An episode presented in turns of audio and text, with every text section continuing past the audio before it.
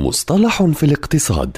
في كل حلقة يطرح المدون وصانع المحتوى الاقتصادي مجدي النوري مصطلحا اقتصاديا محددا بلغة سهلة وبسيطة.